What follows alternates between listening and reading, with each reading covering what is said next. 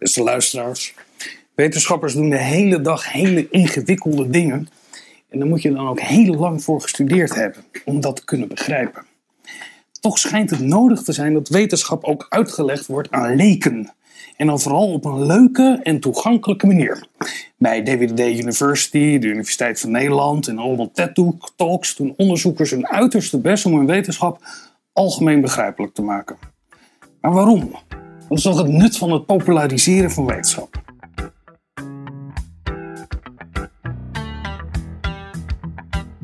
Dit programma wordt mede mogelijk gemaakt door Amsterdam University Press. Vanuit Amsterdam is dit Onder Media Doctoren, de podcast waarin communicatiewetenschappers zich verwonderen over de media. Hier aan tafel zit Mark van Oostendorp, taalwetenschapper, verbonden aan het Meertens Instituut.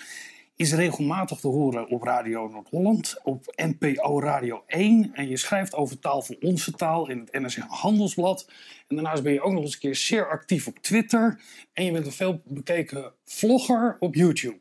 Ja, en ik mag sinds kort, sinds 1 september, ben ik hoogleraar in Nijmegen, onder andere in wat we daar noemen academische communicatie. Dus dit is ook nog eens een keer een deel van mijn officiële leeropdracht. Ja, ik wil je de vraag stellen, waarom doe je dat allemaal? Heb je dat gedaan om een, eh, een leerstoel te kunnen bemachtigen? Ja, dus nu, nu ik die leerstoel eenmaal heb, ja? kom ik hier nog een keer aanschuiven en daarna heb ik het wel voor altijd eh, gezien. opdracht- hebben ze je leeropdracht aangepast aan wat je al deed? Ja, eh, ik, denk, ik denk eigenlijk dat het zo, dat, dat zo is gegaan. En ehm, het is, dat, dat is meteen natuurlijk ook wel weer wat anders. Want het betekent nu weer, juist weer aan de andere kant daarvan gaan kijken. Namelijk dan wetenschappelijk gaan nadenken over waarom doe je dat allemaal eigenlijk. En hoe doe je dat allemaal eh, op de best mogelijke manier. En wat dat betreft ben ik tot nu toe eigenlijk altijd meer van de praktijk geweest. Dus ik heb het altijd eh, juist in de praktijk eh, eh, gedaan. En waarom? Wa- Waarom? Ja, er, er is eigenlijk een hele grote hoeveelheid redenen waarom. Het is ooit begonnen, denk ik. toen ik promoveerde, toen in de eerste plaats, ik promoveerde op een ontzettend leuk, interessant proefschrift over Nederlandse dialecten. En ik werd opgebeld door de kranten. De kranten, een heleboel kranten hadden toen nog een rubriek met leuke stellingen. Dat is een beetje eh, afgeschaft omdat stellingen niet zoveel meer bestaan. Maar toen hadden nog kranten die rubriek leuke stellingen. Dus die belden mij op om te vragen, hebt u nog leuke stellingen? Maar ik had helemaal geen stellingen. En toen hing, dan hingen ze weer op, weet je wel. dus, dus dat was het enige waar ze in geïnteresseerd waren. En ik dacht, ja, daar valt wel meer over te vertellen. En eerlijk gezegd, ik vond schrijven ook altijd leuk. En wetenschappelijk schrijven is toch vooral een invuloefening. En eh, toen heb ik, zo heb ik mijn eerste boek geschreven. Dat was echt een populariserend boek, eh, twintig jaar geleden. Toen was, toen was dat nog wat je deed, populariseren. En dat, dus dat ik schrijven leuk vind. En vooral dat ik de breedte leuk vind die dat... eh, die de wetenschapscommunicatie brengt. Dus niet alleen, ik vind het prutsen op mijn eigen kamer, wat, dus dat wetenschappelijk ingewikkelde dingen prutsen, vind ik heel erg leuk. Maar ik vind dat andere ook juist heel erg leuk. Dat die, al die andere dingen die andere mensen allemaal doen. En een generalist zijn, daar komt het eigenlijk op neer, dat is heel moeilijk eh, in de echte wetenschap. En dit is een manier om dat wel te Ik zijn. begrijp dat je het, leuk vindt en dat het over je vak gaat en dat je daar zelf geïnteresseerd in bent. Nu hebben we een eh, wetenschappelijk en academisch systeem waarin dit soort activiteiten helemaal niet gewaardeerd worden. Ja, ik moet zeggen, dat, dat wordt altijd gezegd dat het niet gewaardeerd wordt. Ik heb zelf nooit het idee gehad dat het mij heel erg in de weg heeft gezeten. Dat mijn carrière in de weg heeft eh, gestaan. Het, het wordt niet zo gewaardeerd als het schrijven van artikelen in internationale vaktijdschriften. Eh, misschien, maar veel mensen vinden het ook wel nuttig en belangrijk. En ik geloof ook dat veel mensen wel blij zijn dat iemand dat, eh, dat doet, eerlijk gezegd. Ook hier aan tafel, dokter Linda Duits. Eh, jij eh, populariseert daar ook een, eh, een flink eind eh, op weg, eh, op los. Ja, Waarom doe jij dat? ehm, Misschien moet je eerst vertellen wat je doet. wat ik allemaal doe. Ik ehm, heb een blog op mijn, eh, de site van mijn bedrijfje op dieponderzoek.nl. Daar blog ik elke dag over onderzoek naar populaire cultuur of ontwikkelingen in populaire cultuur. Ik schrijf columns voor Folia en Brainwash. Eh, over seks en over het academisch leven. En eh, eh, daarnaast uh, treed ik wel eens op in de media. Zo was ik vorige week bij de opname van de grote BNN Sekstest. En dat is dan een hele grote uh, show. En ik vond het wel interessant, omdat ik had ook heel erg meegedacht, zeg maar, in de voorbereiding, met wat voor vragen er dan in moesten komen. En die uh, redacteur, producent, die was ook super betrokken bij de maatschappelijke kant van het hele verhaal. Aandacht voor LBT-issues en zo, vond hij allemaal heel belangrijk. En uiteindelijk merk je dat dat dan er gewoon gaandeweg uitgaat, zeg maar, in, in, in die ontwikkeling van zo'n show. En dat ik was er dus en er was ook een seksoloog als deskundige.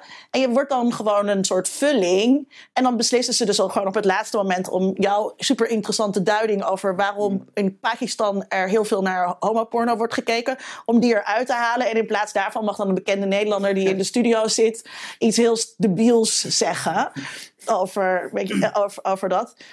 Um, en dan, en dan, dan denk je dus, oké, het is heel goed dat ik daar ga zitten. Maar ondertussen merk je ook wel de leegte of zo. Dus voor mij is een van de redenen om dus ook zelf zoveel media te maken... is omdat je dan dus controle hebt op het verhaal. En als ik zelf een stuk mag schrijven...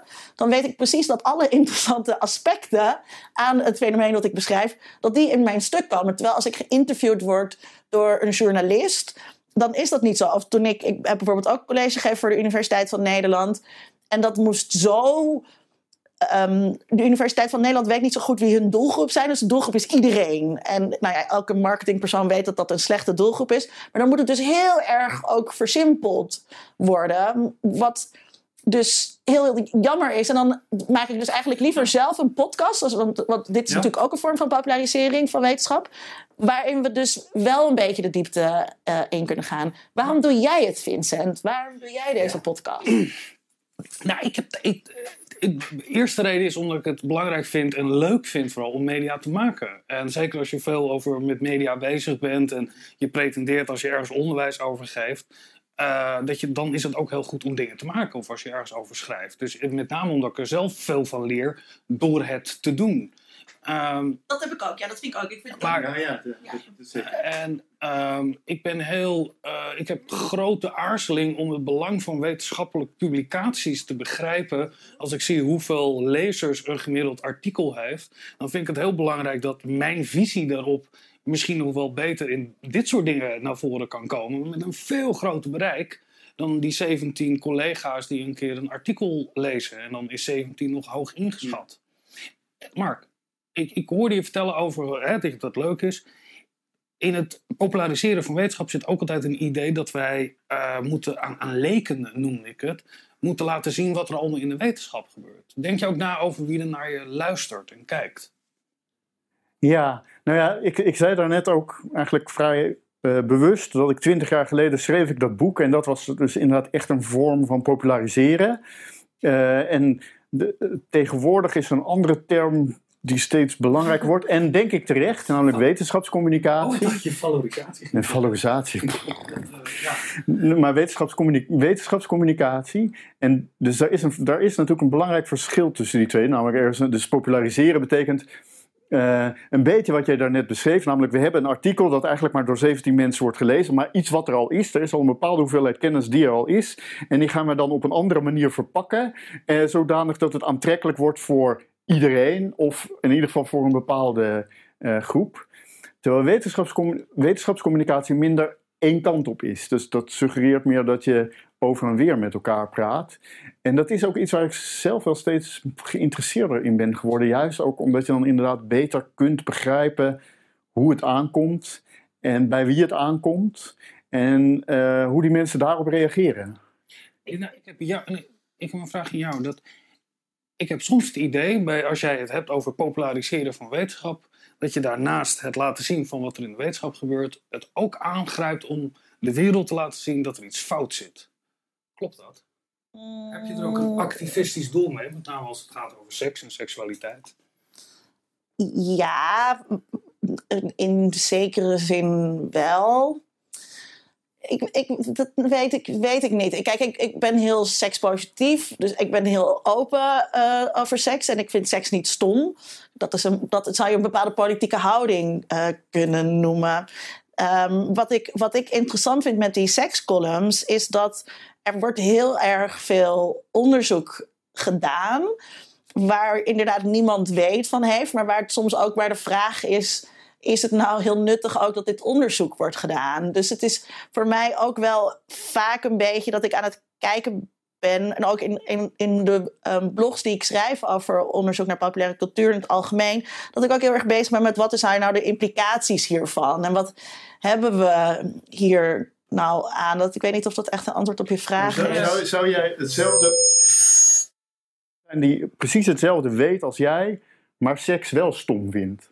Dus, is het evidence-based? Ja, ja. sekspositieve verhouding. Uh, ik, ik denk dat dat niet kan. Omdat je uh, zo in een bepaalde hoek zit, zeg maar. En dat op het, mom ja, op het moment dat je bepaalde mensen hebt gelezen... dat ik denk dat het onmogelijk is om veel van die mensen te lezen... als je gewoon het daar fundamenteel mee oneens bent. Omdat zij goede argumenten hebben of omdat... Om, omdat ze goede argumenten hebben die je aan het denken zetten... en omdat je denk ik een soort af keer krijgt, daar heb je toch een, een naam voor ook. Dat, dat, dat zo'n psychologisch mechanisme. Dat op, op, kijk, als je seks echt heel vies vindt en homoseksualiteit ja, goor, dan ga je dat allemaal niet lezen. Precies, ja, die confirmation bias. Um, het, is, ik, het is voor mij wel heel belangrijk dat uh, wat ik schrijf wel een soort van gevalideerd wordt door mijn peers. Dus ik vind het wel heel belangrijk als ik over iemands onderzoek heb geschreven, dat stuur ik ook altijd. En dan zeg ik, geef ik je onderzoek een beetje goed weer. En ik vind ook feedback heel belangrijk van wetenschappers van dit is een goed stuk of een belangrijk stuk of dat heb je goed opgeschreven. Dus ik zit nog wel, ik zoek wel heel erg naar dat idee van wetenschappelijke consensus. Um, maar het is, Um, met seksualiteit heb je dat natuurlijk heel, heel duidelijk. Dat, die, dat negatieve of dat positieve. Maar ook binnen mediawetenschap heb je de stroming eigenlijk die al het mediagebruik bijna slecht en gevaarlijk vindt. En een stroming die, die daar kijkt naar is het empowerend. Of, mm -hmm. weet ik, en die twee praten ook eigenlijk bijna niet met elkaar. Dus dat zijn twee literaturen, twee wetenschappelijke Precies. literaturen die je hebt. Ja, ja het zijn echt Ja. groepen. Ja. Mark, de, je hebt het over populariseren van wetenschap, hebben we het. Maar je noemde al, je hebt ook de communicatieafdelingen, hè, die het wetenschapscommunicatie. Ja, hebt misschien misschien nog, communicatieafdeling betekent natuurlijk weer niet per se wetenschapscommunicatie. Want volgens mij doen veel communicatieafdelingen eigenlijk niet veel meer dan populariseren. Namelijk precies zoals ik daarnet beschreef. Ja. Dus ze nemen een onderzoek en dan maken ze een persbericht van. En eh, dat betekent dus, ze vertalen het onderzoek in een tekst. En die tekst gooien ze vervolgens de wereld in. En dan moeten de mensen maar zien wat ze ermee doen. En dat is iets anders dan over en weer eh, met elkaar praten over dat onderzoek. En Oh, dat gaat trouwens ook heel vaak fout. Ik denk dat dat ook wel belangrijk is om te noemen. Ja. Er zijn gewoon heel wat ehm, onderzoeken die op een hele sensationalistische manier in de media zijn gekomen. En dat je dan een beetje probeert na te gaan van waar is dat nou fout gegaan. En dan gaat het dus vaak al fout bij het persbericht. Dus dan zit er iemand van de communicatieafdeling die er, die er gewoon te veel show geeft, die de nuance eruit Ja. haalt. Eh, ja, ben ik wel eens, dat is, dat is niet alleen dat is populariseren. En het is ook nog eens een keer verkeerd populariseren. Want niemand heeft daar baat bij. De wetenschap niet, de onderzoekers zelf niet. en ook het publiek niet. Nee, nee. behalve alleen misschien bureau communicatie. Want wat voor hun telt zijn kliks Ja, en aandacht. Ja. en wat is dan wetenschapsjournalistiek? Onderscheidt dat zich van het populariseren van wetenschap? Of is dat ook... Ik denk niet dat dat, dat, dat eh, in de aard anders hoeft te zijn. En je doet verslag eh, van wetenschap. Eh, maar er zijn bepaalde vormen, denk ik, van wetenschapsjournalistiek die je meer populariserend zou kunnen noemen. Proefjes op televisie, denk ik, is echt een vorm van populariseren van Ja. wetenschap, wat al iets anders is dan journalistiek. Maar ook, ehm, we gaan straks luisteren naar Jim Jansen. Eh, die organiseert allerlei dingen. Dus die organiseert een gala van de wetenschap. Eh, terwijl hij eigenlijk voor een wetenschapsjournalistieke titel werkt. Ik stel voor dat we in een goede traditie van wetenschappers een stap gaan maken in close reading. Want we willen natuurlijk begrijpen, hoe doe je dat nou eigenlijk, het populariseren van wetenschap? Eh, en dan wil ik kijken naar een vlog van jou, Mark. En die vlog die heet Hans van de Tocht. En dan ga ik je daarna vragen, wat zijn je overwegingen geweest om dit zo te maken? Goed, ja. Wat is jullie favoriete tv? Eh, nou, R, eh, no, RTL 4. RTL 4. RTL Waarom? Hans van der Top. Hans van der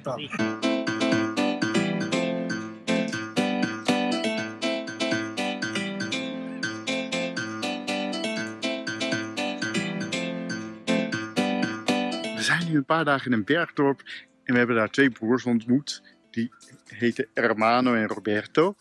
Maar stelden zich voor als Herman en, Ro- en Robert. Het zijn twee mannen van 45 die schoonmaken. Die bars schoonmaken. Ze staan 's ochtends om 5 uur op. Dan gaan ze bars schoonmaken. Eh, en smiddags gaan ze terug naar huis. En vanaf dan kijken ze de rest van de dag televisie. Alleen, ze kijken buitenlandse televisie. Ze kijken bijvoorbeeld Nederlandse televisie. En ze hebben zichzelf op die manier, deze tweeling, heeft zichzelf op deze manier door te kijken naar Hans van der Tocht, door te kijken naar eh Flikken Maastricht, Nederlands geleerd. Wij zijn tweelingen. Wij zijn tweelingen. Hallo Nederland. ja, ja, Ja. ja, daar, daar, daar kijken. Hallo Nederland. Wij zijn tweelingen uit Italië. Ah, ja, En waar, en waar vandaan? Da dove? Allora, Sulmona, Sulmona. Wij, wij, wij, wij wonen in Sulmona. En jullie hebben Nederlands geleerd waar? Eh, zelfs, zelfs. Zelfs, op Zelfs. televisie. Op televisie. Op televisie. Op televisie. En jullie zijn nooit in Nederlands geweest? No, Nooit. we zijn nooit in Nederland geweest. geweest. Maar in, in Sulmona is Nederlandse televisie. No, met uh, satelliet. Ah, met satelliet. Wij, wij kunnen, wij kunnen de televisie, Nederlandse televisie alleen met uh, satellieten bereiken. Bereiken, kijken of kijken. Kijken, no, no, no, solo satellieten. satellieten. Vandaag het weer is mooi. Dico, bugün ve çok güzel. En wat, wat is jullie favoriete tv? R, eh, no, RTL 4. RTL 4. RTL 4. Waarom? Hans van der Tocht. Hans van der Tocht. En naar welke stad in Nederland? Welke stad? Ja. Eh, Maastricht. Maastricht? Eh, Maastricht en dan Amsterdam, Rotterdam. Maastricht. Hilversum, Hilversum. Hilversum. Hilversum eh, i- is het beroemd voor eh, tv. Ja. TV, beroemd, veel beroemd. Ja, Prijzenslag, herinner je? Prijzenslag. Ja. Prijzenslag met Hans Kazan. Hans Kazan. Happy Days. Eh, happy Days. Fonzie. Fonzie. Maar dat is, dat is eh, Amerikaans. eh, Amerikaanse is- serie. Maar jullie kijken dat in het Nederlands? Nee. RTL 4, op RTL 4. Op 4. Originale taal met vertaal- vertaling. Nederlands vertaling. Nederlandse ondertitels. Ondertiteling. Eh, ondertiteling. Dat is heel grappig. è difficile però, eh. È di- Deze- die. Oké. Wat is de menselijke geest toch een wonderlijke machine. En wat kan die menselijke geest toch veel aan? We, ik hoop een dag een reis naar Nederland maken, te Ja. maken. Wij hebben geen geld in moment. moment. Nee. Het is onmogelijk. Onmogelijk.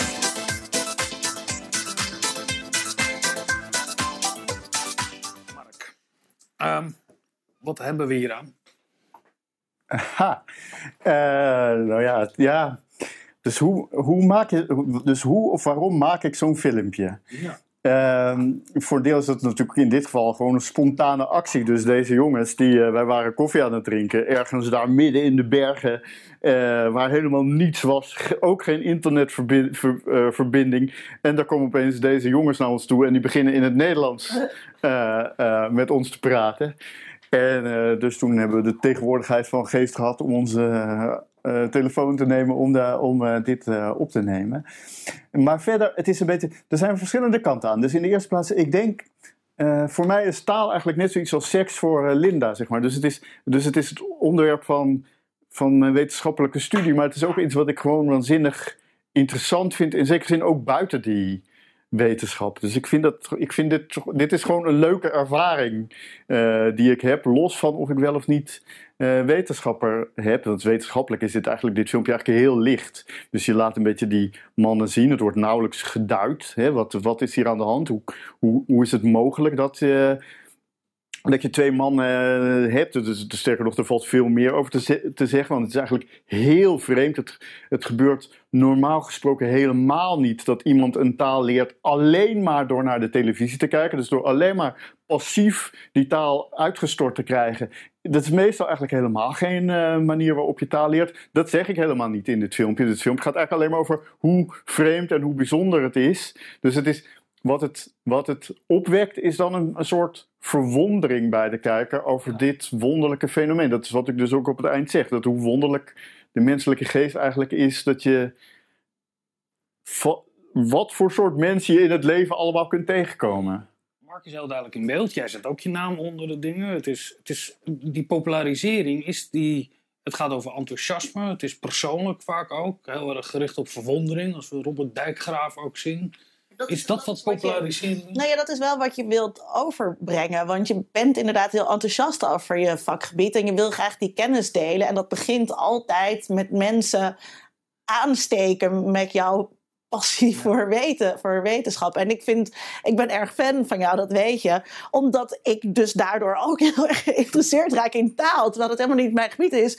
Maar dan, en, dan, en zeker als je dus ook iemand een beetje volgt. Dat vind ik dus ook bijvoorbeeld heel leuk op Twitter. Ik volg best wel veel verschillende wetenschappers. Dus ik leer van alles bij over onderwijskunde. Want daar zijn ze heel enthousiast over aan het twitteren. En dat is denk ik wat je, wat je wil eh, bereiken. Dus niet alleen specifieke kennis doorgeven, maar ook gewoon het enthousiasme voor onderzoek doen en het enthousiasme voor kennis opdoen doorgeven. Ja, dat vind ik heel goed gezegd. En tegelijkertijd, er zit ook bij wat je, namelijk wat je daarnet zei, dat, dat vond ik ook heel herkenbaar, zoals dat heet. Dus dat verhaal over dat je dan voor BNN in jouw geval, dat je dan naar zo'n tv-programma, eh, dat je dan denkt, ik, doe mee. Ja, waarom doe ik mee? Ja, dat is toch oké, goed, het is BNN of zo. Dus ik, dus ik heb ook zoiets eh, vorig jaar een keer gedaan. Dat, was ook, dat ging dan natuurlijk dus weer ook weer over taal, hè, de, eh, de, de accenten van Nederlands. En dan, maar je weet eigenlijk, je gaat met de tv, tv meedoen, dus gaandeweg worden er steeds meer bekende Nederlanders naar binnen geduwd. En gaandeweg wordt jij steeds meer naar buiten geduwd. Het was in dit geval zelfs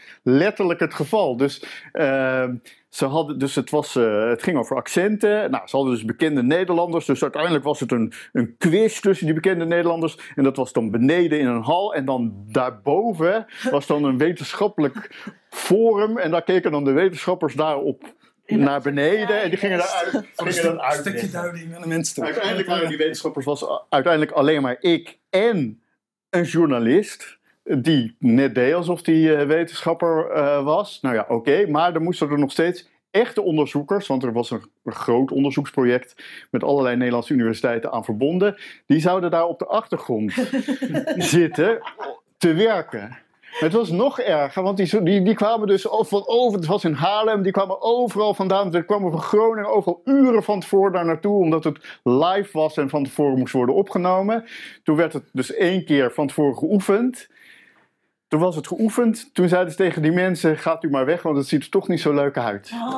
Dus- en ik, eigenlijk, ik denk nu achteraf, ja, toen had ik eigenlijk ook weg moeten gaan. Dat, Maar- is, dat, is, te, Ja. dat is te erg. Maar dit is een heel specifiek voorbeeld. Ehm, word je ook een, in positieve zin, of zie je zelf een soort ambassadeur van je vakgebied? Eh, in een negatieve zin een mascotte van je vakgebied. Nou, ik denk wel dat, dat, je, dat je daarvoor moet waken. Want als je heel veel van dat soort ervaring hebt, dan ja, laat je je ook een soort van gebruiken eh, daar, daardoor of zo. Ik, kijk, ik vind, je hebt, je hebt iets wat het Maarten van Rossum effect heet. En eh, in het Engels is dat het Carl Sagan eh, effect. Dat je als wetenschapper eigenlijk niet zo serieus genomen wordt als je aan popularisering doet. Omdat dan collega's zouden kunnen denken van ja, weet je wel, die is alleen maar met media bezig, dus die zal wel eigenlijk niet zo goed zijn. En ehm, eh, dat, is, dat is heel vervelend, want ik denk dat het heel belangrijk is dat je als wetenschapper hiermee bezighoudt. Maar bij Maarten van Rossum heb ik toch ook wel het idee, je bent nu zo vaak en je hebt je eigen reality soap. En dus dan ga je op een gegeven moment ook wel een beetje die, die grens over. En dan kan je inderdaad de, de mascotte worden. En dan word je ook. Want ook hier, dat die wetenschappers dan op de achtergrond zouden moeten zitten werken. Ja. Weet je, dat dat dan ook voor het plaatje is. Ik vind dat het afschuwelijk als ze tussenshotjes gaan maken. Eh, dus als ik gefilmd word op kantoor, dan moet ik ook altijd even typen. En dan moet ik van het raam naar binnen gefilmd worden. collega's lezen altijd boeken staand naast een boekenkast. Zo- zo'n wonderlijke activiteit. Zo opzoeken. Daar, daar, daar moet je denk ik wel v- voor waken dat je je niet in die zin ook te karikaturaal eh, laat neerzetten. Maar nogmaals, dat is dus het grote voordeel van zelf Ja. aan de slag gaan. Omdat je, dan- omdat je dan zelf die controle hebt en daar, en daar niet afhankelijk van anderen bent. Naast eh, wetenschappers die natuurlijk spreken eh, en hun eigen vlog hebben, hebben we ook in Nederland New Scientist. En eh, de Nederlandse versie daarvan, een van de grootste titels wereldwijd op het gebied van popularisering van wetenschap. En Volkert en Tom spraken met Jim Jansen, de hoofdredacteur.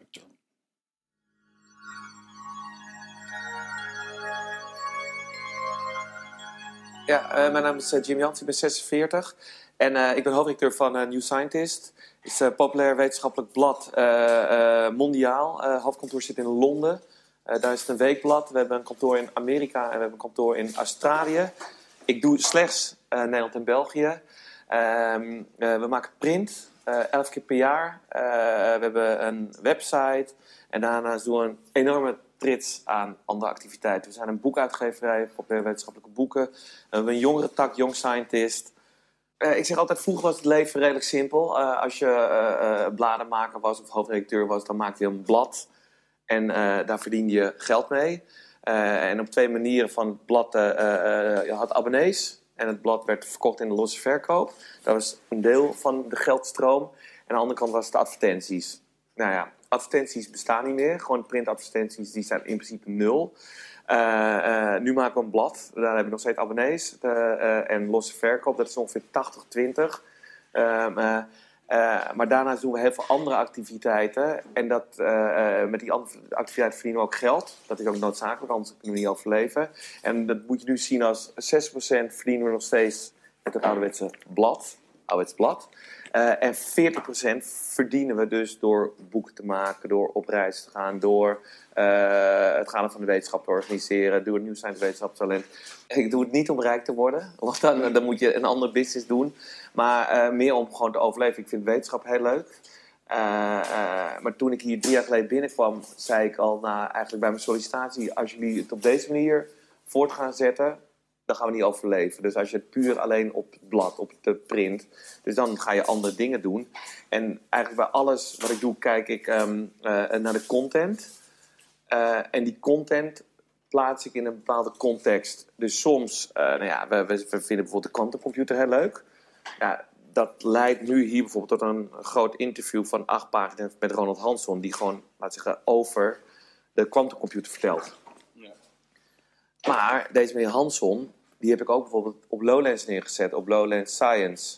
Eh, dan heb je een andere context. Eh, eh, daar zijn weer filmpjes van gemaakt.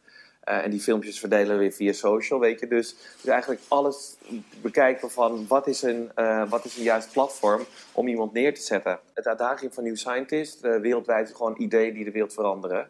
En dan kijken we altijd van als we iets, iets een, een persoon willen spreken of over een onderwerp willen praten van wat is eigenlijk het idee dat de wereld verandert? Nou ja, in het geval van de kwantumcomputer is het vrij simpel. Weet je, er wordt nu gesleuteld aan een computer.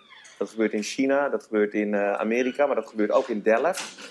Ehm, en degene die die kwantumcomputer gaat ontwikkelen, gaat maken, eh, dat verandert onze wereld. Weet je? Ehm, en zo bepalen we van met wie willen we spreken, hoe willen we het gaan spreken. En dan proberen we toch enigszins begrijpelijk neer te zetten. En dan heb je een, een discussie van wat is begrijpelijk. Eh, ik weet wel, ik was net bij New Science, toen hebben we Jurgen de Hond gedaan. Jurgen de Hond is eh, leider van het eh, CMS-experiment in Genève. Wat wel best ingewikkeld is, wat hij allemaal onderzoekt. Maar toen hebben we dus, we hebben een interview gedaan, maar we hebben het allemaal met kaders van wat is supersymmetrie, wat zijn zwarte gaten. Toch om een soort handvaten te geven van onze lezer is vrij intelligent. We hebben eigenlijk een, onze lezer is bijna WO geschoold, dus die, die kan best wel wat aan, maar je moet ze ook handvaten geven. Vroeger, vroeger is altijd beter, nee zeker niet. Nee, maar vroeger, kijk eens, eh, er was echt gewoon toch de, meestal de man helaas, de man in de ivoren toren.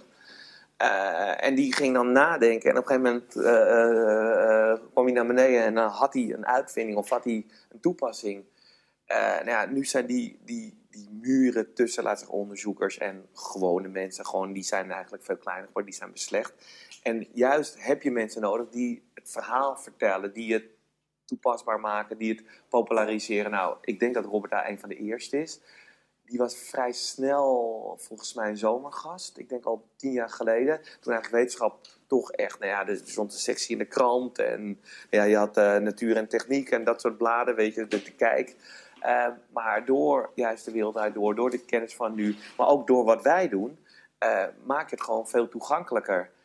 En ik denk eh, mensen als Robert of eh, Erik Scherder, eh, ook iemand als André Kuipers, wel Beatrice de Graaf, weet je. Die mensen die gewoon het heel erg slim zijn, enerzijds. Maar het ook best wel helder kunnen uitleggen. Ja, dat, die, die mensen zijn goud waard. Populaire wetenschap of, of, of een tijdschrift als New Scientist, die maakt natuurlijk gebruik van al die wetenschappers die allemaal graag hun verhaal eh, willen vertellen. Maar wat hier ook al wordt gezegd, je, er zit een balans tussen wat nog inhoudelijk klopt en het toegankelijk maken. Waar zie jij die grens? Wanneer is jouw popularisering nog wel overeenkomstig met wat eigenlijk in de wetenschap gebeurt? Ja, eigenlijk, eh, dus de, dit wordt inderdaad heel vaak gezegd. En eigenlijk heb ik daar nooit veel last van, moet ik zeggen. Dus het overkomt me eigenlijk nooit dat ik denk, ja, nu moet je dingen zeggen die eigenlijk onverantwoord zijn.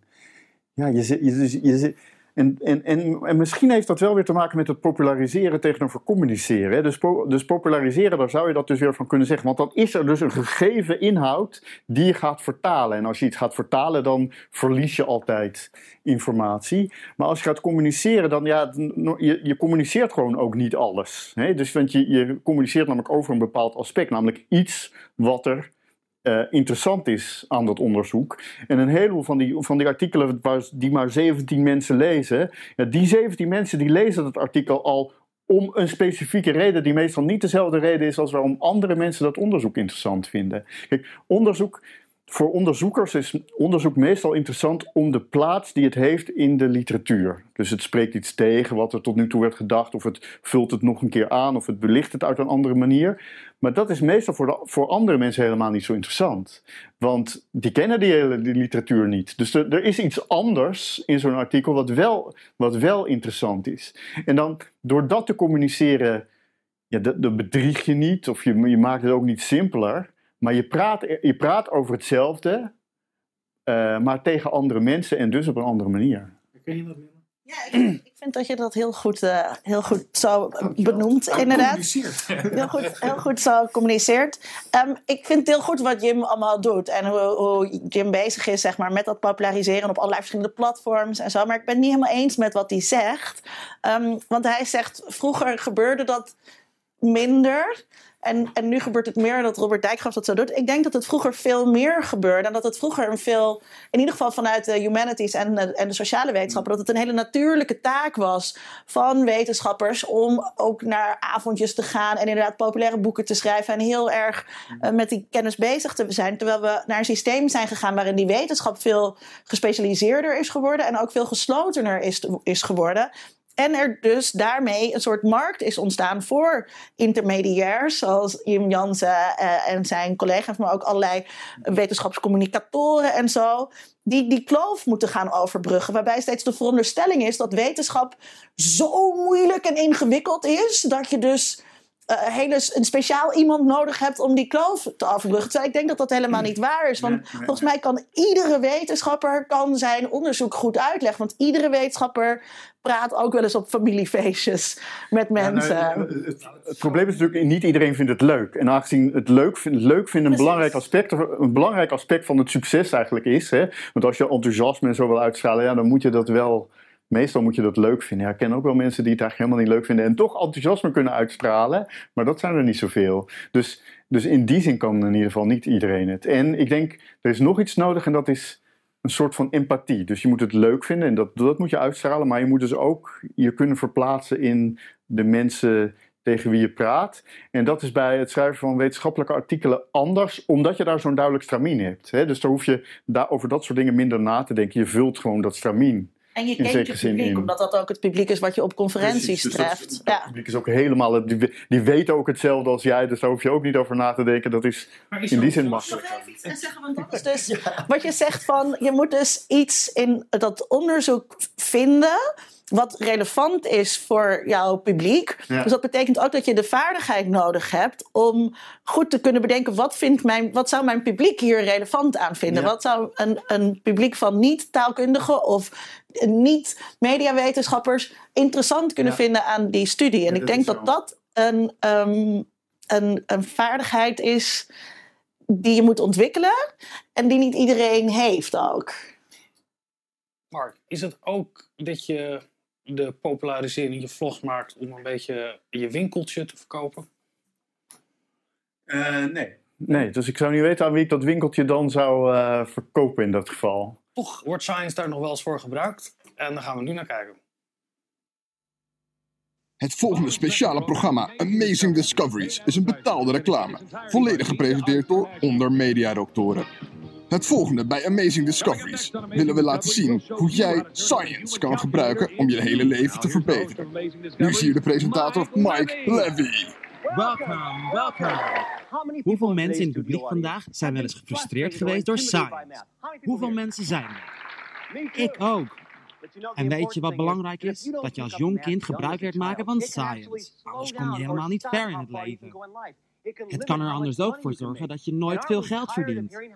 En zijn we het niet zat om te horen dat het Nederlandse onderwijssysteem zo slecht is?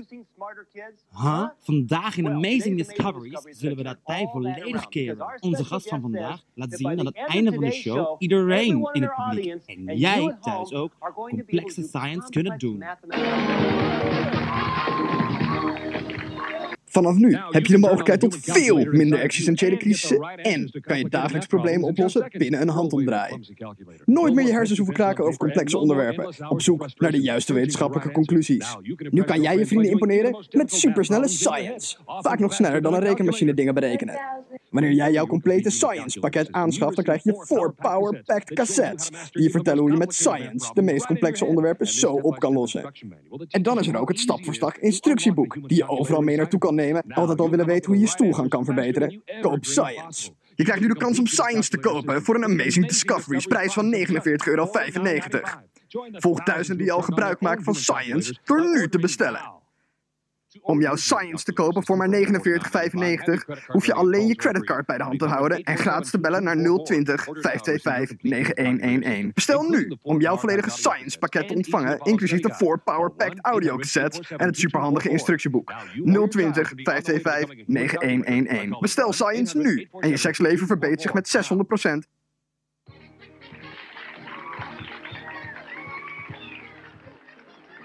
Welkom terug bij Amazing Discoveries.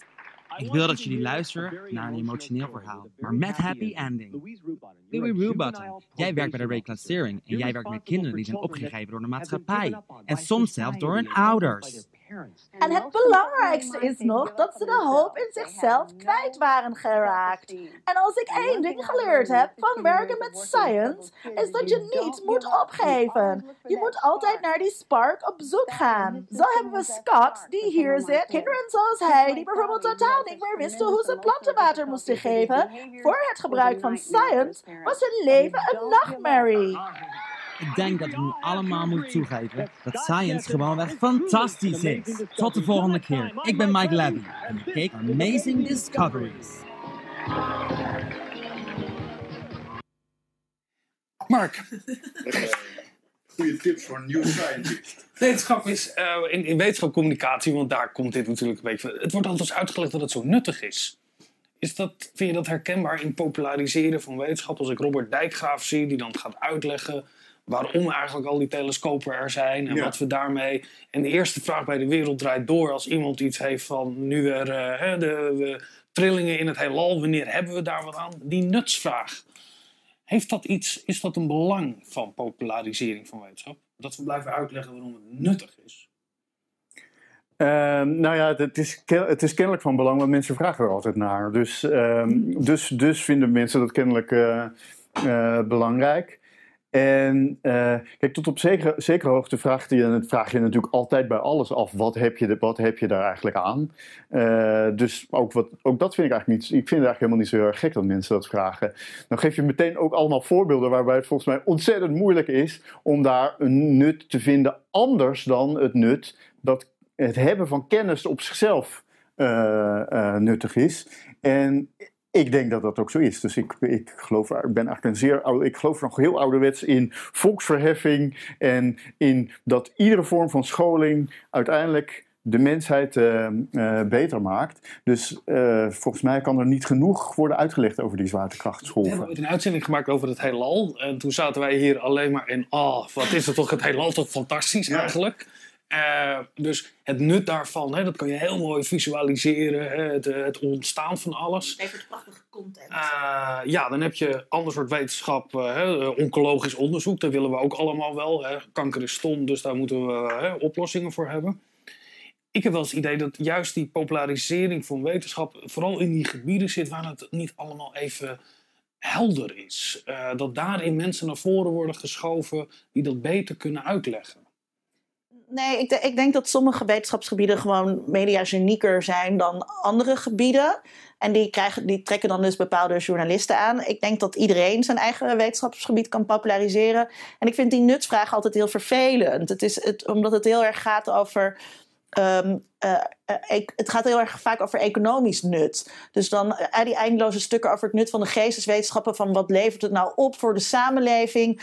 Terwijl de kennis aan zich moet interessant zijn. En ik heb dus ook helemaal geen zin om, om mijn publiek te overtuigen, zeg maar, dat mediawetenschap gefinancierd moet worden of zo. Dat, dat, dat, dat vind ik helemaal niet interessant. Ik vind het interessant om inderdaad iets over te brengen. Eh, wat, wat enthousiast is om kennis over te brengen. Ook als, Societal impact, valorisatie, eh, wetenschapsagenda's. Maar er is een heel groot eh, verschil tussen maatschappelijke relevantie van een onderzoek, die in de sociale wetenschappen altijd heel groot is en bijna ook altijd expliciet aangegeven wordt, en maatschappelijk nut. Ja, dus er is vers- verschil tussen jouw oncologische voorbeeld en, eh, nou ja, en, en eigenlijk die, sterk, die sterrenkunde. Sterrenkunde heeft natuurlijk ook geen nut in, in economische en ook in economische zin. Dat heeft nut omdat het mooi en spectaculair, mooi en spectaculair is en omdat het je doet denken over die verbijsterende vragen over wat, wat, doen, wat, zit, wat zitten we hier eigenlijk allemaal te doen. ons, En, maar, en, maar natuurlijk precies sociale wetenschappen en geesteswetenschappen hebben dat natuurlijk precies ook. Hè? Dus eh, de geschiedenis, eh, terugkijken, eh, hoe, hoe, hoe, werken, hoe, hoe werken mensen, hoe werken menselijke groepen. Dat is natuurlijk ook iets wat heel veel mensen zich in het dagelijks leven afvragen. En proberen dat soort discussies een klein, een klein beetje qua niveau op te hogen.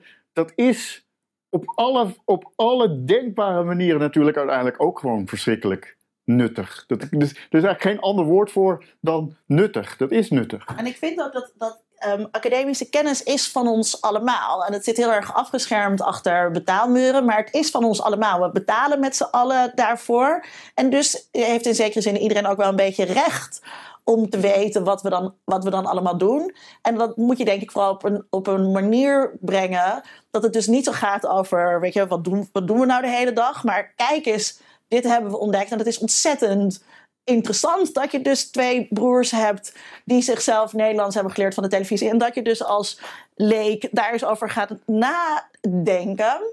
Ja, dat is winst. Mark, de vraagstelling voor deze avond, en een beetje wetenschapper, moet natuurlijk tot een beantwoording van de vraagstelling komen.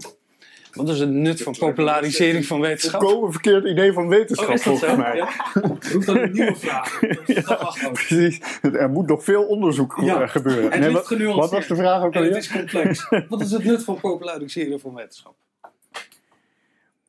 Dus het- in mijn ogen is het nut van populariseren van wetenschap, of eigenlijk vooral van wetenschapscommunicatie, precies hetzelfde als het nut van wetenschap zelf. Namelijk het verhogen van algemene kennis die wij als mensen hebben van onszelf en van de wereld om ons heen. Oei, ja, daar kan ik natuurlijk niet meer overheen. Nou, je mag dito zeggen. Dat is, eh, Ja, ik, ik, ik ben het daarmee eens. En ik zou er graag aan willen toevoegen dat ik ook hoop dat veel meer mensen eh, het gaan doen. Ik, ik wil altijd iedereen heel erg graag aanmoedigen, wetenschappers aanmoedigen om zelf inderdaad een blog te starten of een vlog te starten.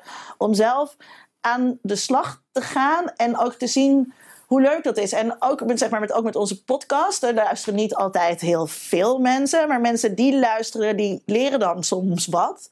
En dat is awesome. Laat er ook een scheikunde podcast komen. Ja, precies. Een vlog. en- aflevering 60 van de podcast Onder Mediadoktoren. Eh abonneert u op alle kanalen die wij hebben.